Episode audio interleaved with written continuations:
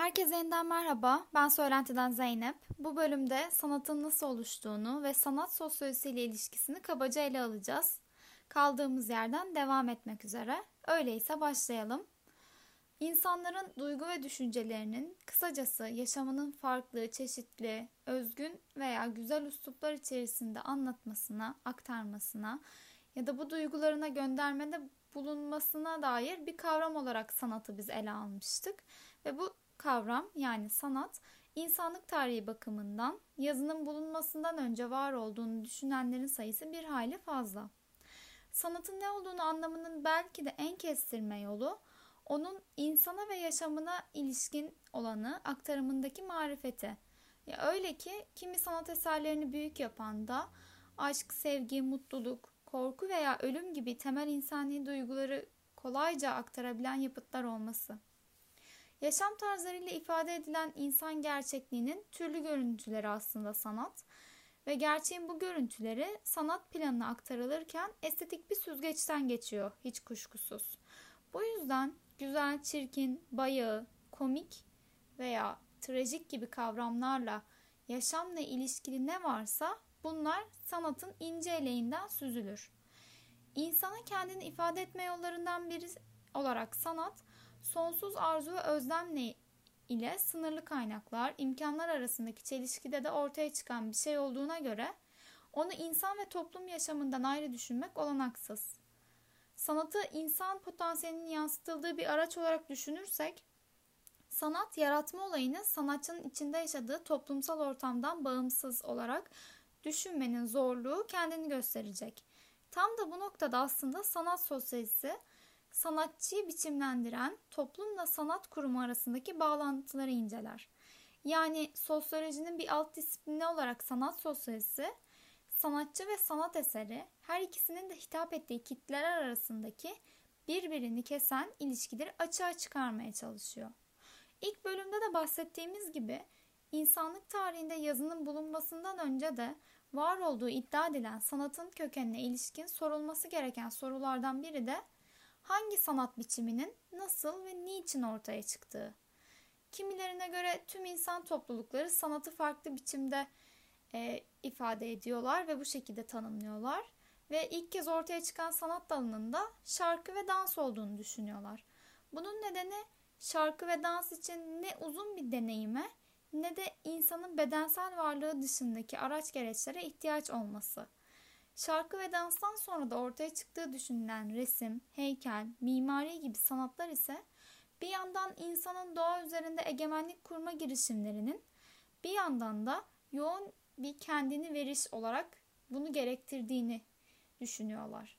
Tüm bunlardan sonra sanatın kökenine ilişkin belli başlı kuramlar var.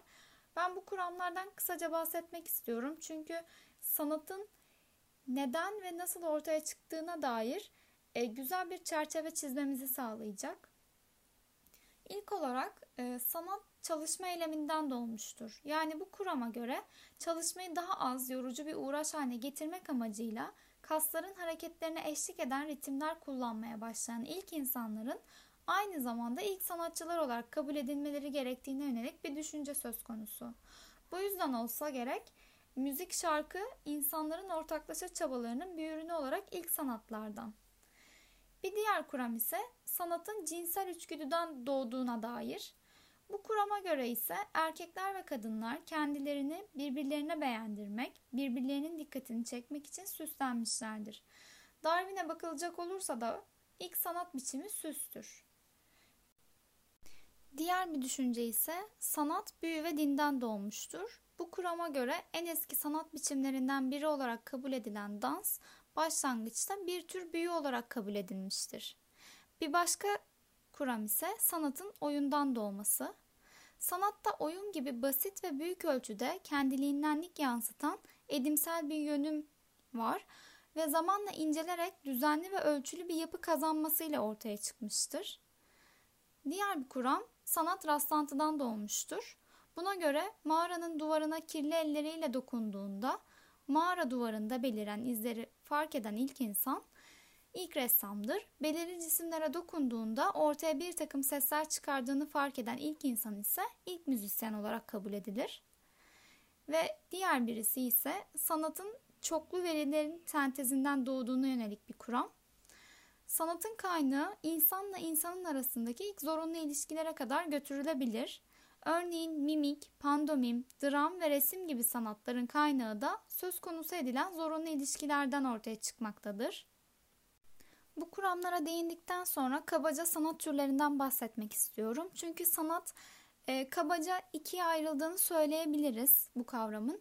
E, endüstriyel sanatlar ve güzel sanatlar olacak şekilde. Aslında bizim sanat dediğimizde aklımıza ilk gelen sınıflandırma tabii ki de güzel sanatlar oluyor. Fakat endüstriyel sanatlar arasında da duvarcılık, dokumacılık, demircilik gibi e, örnekler verebiliriz. Bu noktada aslında zanaatkarlığa değinmek ya da aklımıza zanaatkarlığı getirmek iyi olacaktır. Çünkü ikisi arasındaki ayrımı burada çok daha iyi yapabiliriz bu kavramla. Çünkü zanaatkarlık sürekli temel insan dürtüsüne ve güzel yapma arzusunu barındırır bünyesinde. Fakat sanatta e, ilk bölümde de belirttiğimiz gibi sanatın biricikliğini taşıma arzusu yatar. Ama zanaatın sanatın ilk adımlarından biri olduğunu da unutmamamız gerekiyor. Tabii ki bu durumda ta antik Yunan'a kadar dayanıyor. Güzel sanatlara baktığımızda ise e, ritmik sanatlar, tiyatro gibi, seyirlik oyunlar, pandomim gibi, fonetik sanatlar, şiir, müzik, plastik sanatlar yani mimari, heykel, resim gibi veya karma sanatlar olarak tanımlayabileceğimiz sinema, opera, fotoğraf, dans gibi sanatlar bizim aklımıza gelmekte. Peki sanat ve sanat sosyolojisi desek aklımıza neler çağrışır? Birazcık bu başlığı irdeleyelim. Şöyle ki modern toplumların bilimi olarak sosyoloji ile sanat arasındaki bağlantı noktası modern düşünce birey ve toplumun gelişiminde aranmalı. Öyle ki modernliğin gelişmemeye başlamasıyla birlikte klişenin sarayın himayesindeki klasik estetik sanattan farklı olarak sanatın bir otoriteye ihtiyacının olmadığını belirmeye başlamıştır. Başka bir ifadeyle modern veya ulus gibi oluşumların sanat üzerinde patronaj ilişkisine dayalı bir etkisinin olmadığı görülmeye başlanmıştır. Yani sanatçının ülkesi bütün dünya. Romantizmi Rönesans'tan beri egemen olan geleneğin karşısına diken romantik devrimde bu söylemden kaynaklanıyor aslında. Yani diyebiliriz ki sanat tarihindeki en köklü kırılma tam olarak bunu örnek verebiliriz. Bundan sonra da sanatla yaşam arasındaki yeni bileşenlerin peşine düşülüyor. İşte avantgard kavramı karşımıza çıkıyor. Kiç kavramı karşımıza çıkıyor. Hatta avantgard öncü olarak ya da bir başkaldırı olarak değerlendirebiliriz sanatta. Öyle ki sanatın metalaşmasında kiç ve avantgard kavramlarını da bir arada tutarak birazcık e, popüler kültürün dayatılmasıyla da birlikte bir tartışma başlığı açabiliriz tam da bu noktada. Ya da bir başka bölümde isterseniz ayrıca bunu konuşabiliriz. Devam edecek olursam sanat ve sanat sosyolojisi açısından önemli hususlardan biri ise sanatla ilgisi bağlamında olan çağdaş sözlü, sözcüğü bizim aklımıza geliyor. Şöyle ki e, çağdaş kavramı evet kullanılıyor. E, çağdaş modernden hatta postmodernden farklıdır. Yani batı düşünce tarzına ve sanatına göre e, kendisini özleştirmekten memnun olduğu büyük ve modern e, gelenek ayrımını ortadan kaldıran bir zamanı içerir. E, diğer bir nedense ya da diğer bir irdeleme amacımız ise çağdaş kelimesini küreselden ayrı düşünememesi. Aslında burada kritik bir soru sormamız gerekir. Batı'nın tekelinde bulundurduğu dünya sanat tarihi ve felsefesinden farklı olarak küresel bir sanat tarihi ya da felsefesi mümkün olabilir mi? Yani biz böyle bir sanatın varlığından bahsedebilir miyiz? Bu da bir tartışma sorusu olarak e, bu yayında kalsın. Yorumlarınızı bekliyor olacağım.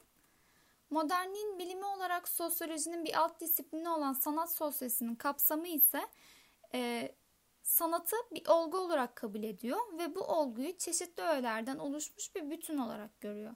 Sanat sosyolojisi kendisini sanat, sanatçı ve yapıtının toplumla ilişkisi ekseninde konumlandırıyor. Yani sanatçı toplumun bir üyesi olduğu için her sanat yapıtının da bir toplumsal yanı olacağından söz konusu bu yönde ister istemez sosyolojinin ilgi alanına girecek. Bu noktada e, refleksiviteden bahsedebiliriz. Yani Bourdieu'nun düşünümselliğine bile atıfta bulunabiliriz yansıtması bakımından. Tüm toplumlarda yaygın bir olgu olan sanattaki gelişme ve değişmeleri toplum yapısıyla birlikte düşünmek gerekir. Böylece sanatın insan toplumu ile olan ilgisini yorumlayabilme kaygısı bazı sosyolog ve sanat tarihçilerini de yeni bir bilim olarak sanat sosyolojisinin kurulmasına yöneltiyor ve sanat sosyolojisi de aslında bu şekilde ortaya çıkıyor. Rönesans'tan itibaren sanatçıların kültürel ve sosyal prestijinin olumlu anlamda yükseldiğini söyleyebilmiştik daha önceki yayınımızda da.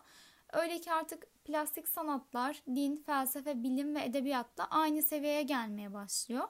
Bu gelişmelerle birlikte dini hayatın yerini siyasi hayat alıyor ve sanatçıyı toplum hayatıyla doğrudan bir ilişkili hale getiriyor bu durum. Ve tabii ki de sanat sosyolojisi bağlamından dönüm noktası olan gelişmelerin de başında bu geliyor. Sanat sosyolojisi sanat dallarının birbirini kesen ve iç içe geçmiş durum bilgileriyle de ilgileniyor. Yani söz konusu ettiğimiz iç içe geçmişlik aslında e, bizim edebiyatımızdan güzel bir örnek var burada. Mimarlık da edebiyatın e, iç içeliğinden bahsedebiliriz. Yani Tanpınar'ın Saatleri Ayarlama Enstitüsü'ne burada örnek verebiliriz. Türkiye'nin modernleşme serüvenine ilişkin güçlü iliş içeriklere sahip olan Saatleri Ayarlama Enstitüsü 1961 yılında yazılıyor. Romanda hiçbir şey üretmeden ve hiçbir şey yapmadan ülkenin en önemli ve modern kurumlarından biri haline gelmeyi başaran enstitü üzerinden Türkiye'nin modernleşmeden ne anladığı ve en önemlisi de neler yaptığına ilişkin güçlü bir sorgulama söz konusu. Ayrıca roman kahramanlarından Hayri İldar'ın yaptığı binanın saat evleri adıyla tasarlanıp bu evlerden mahalleler oluşturma, insanları bu evlerde yaşama noktasında ikna etme gibi girişimleri de söz konusu. Yine edebiyattan çok uzaklaşmayalım ve bu bağlam içerisinde kalarak bir başka örnek verelim. Bu örnek ise Orhan Pamuk'un Masumiyet Müzesi adlı eseri. Bir müzenin romanı olmakla birlikte başlı başına bir sanat sosyolojisi alanında özgün bir yere sahip zaten bu roman.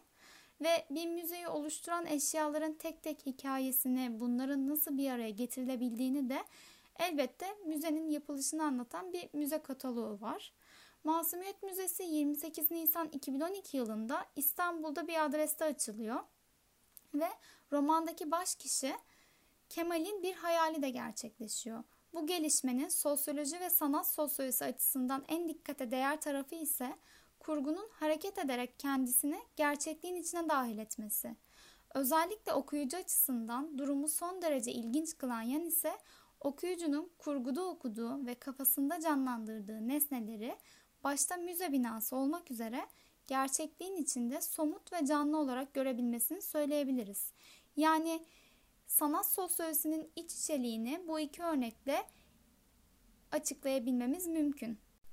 Bir sonraki bölümde sanat ve estetik kavramlarını ele alacağız. Estetiğin sanat felsefesiyle, sosyolojiyle, bilimle olan ilişkisini ele almakla birlikte estetik yargı, güzellik kavramı gibi kavramlara değinmeyi düşünüyorum. Bir sonraki bölümde görüşmek üzere.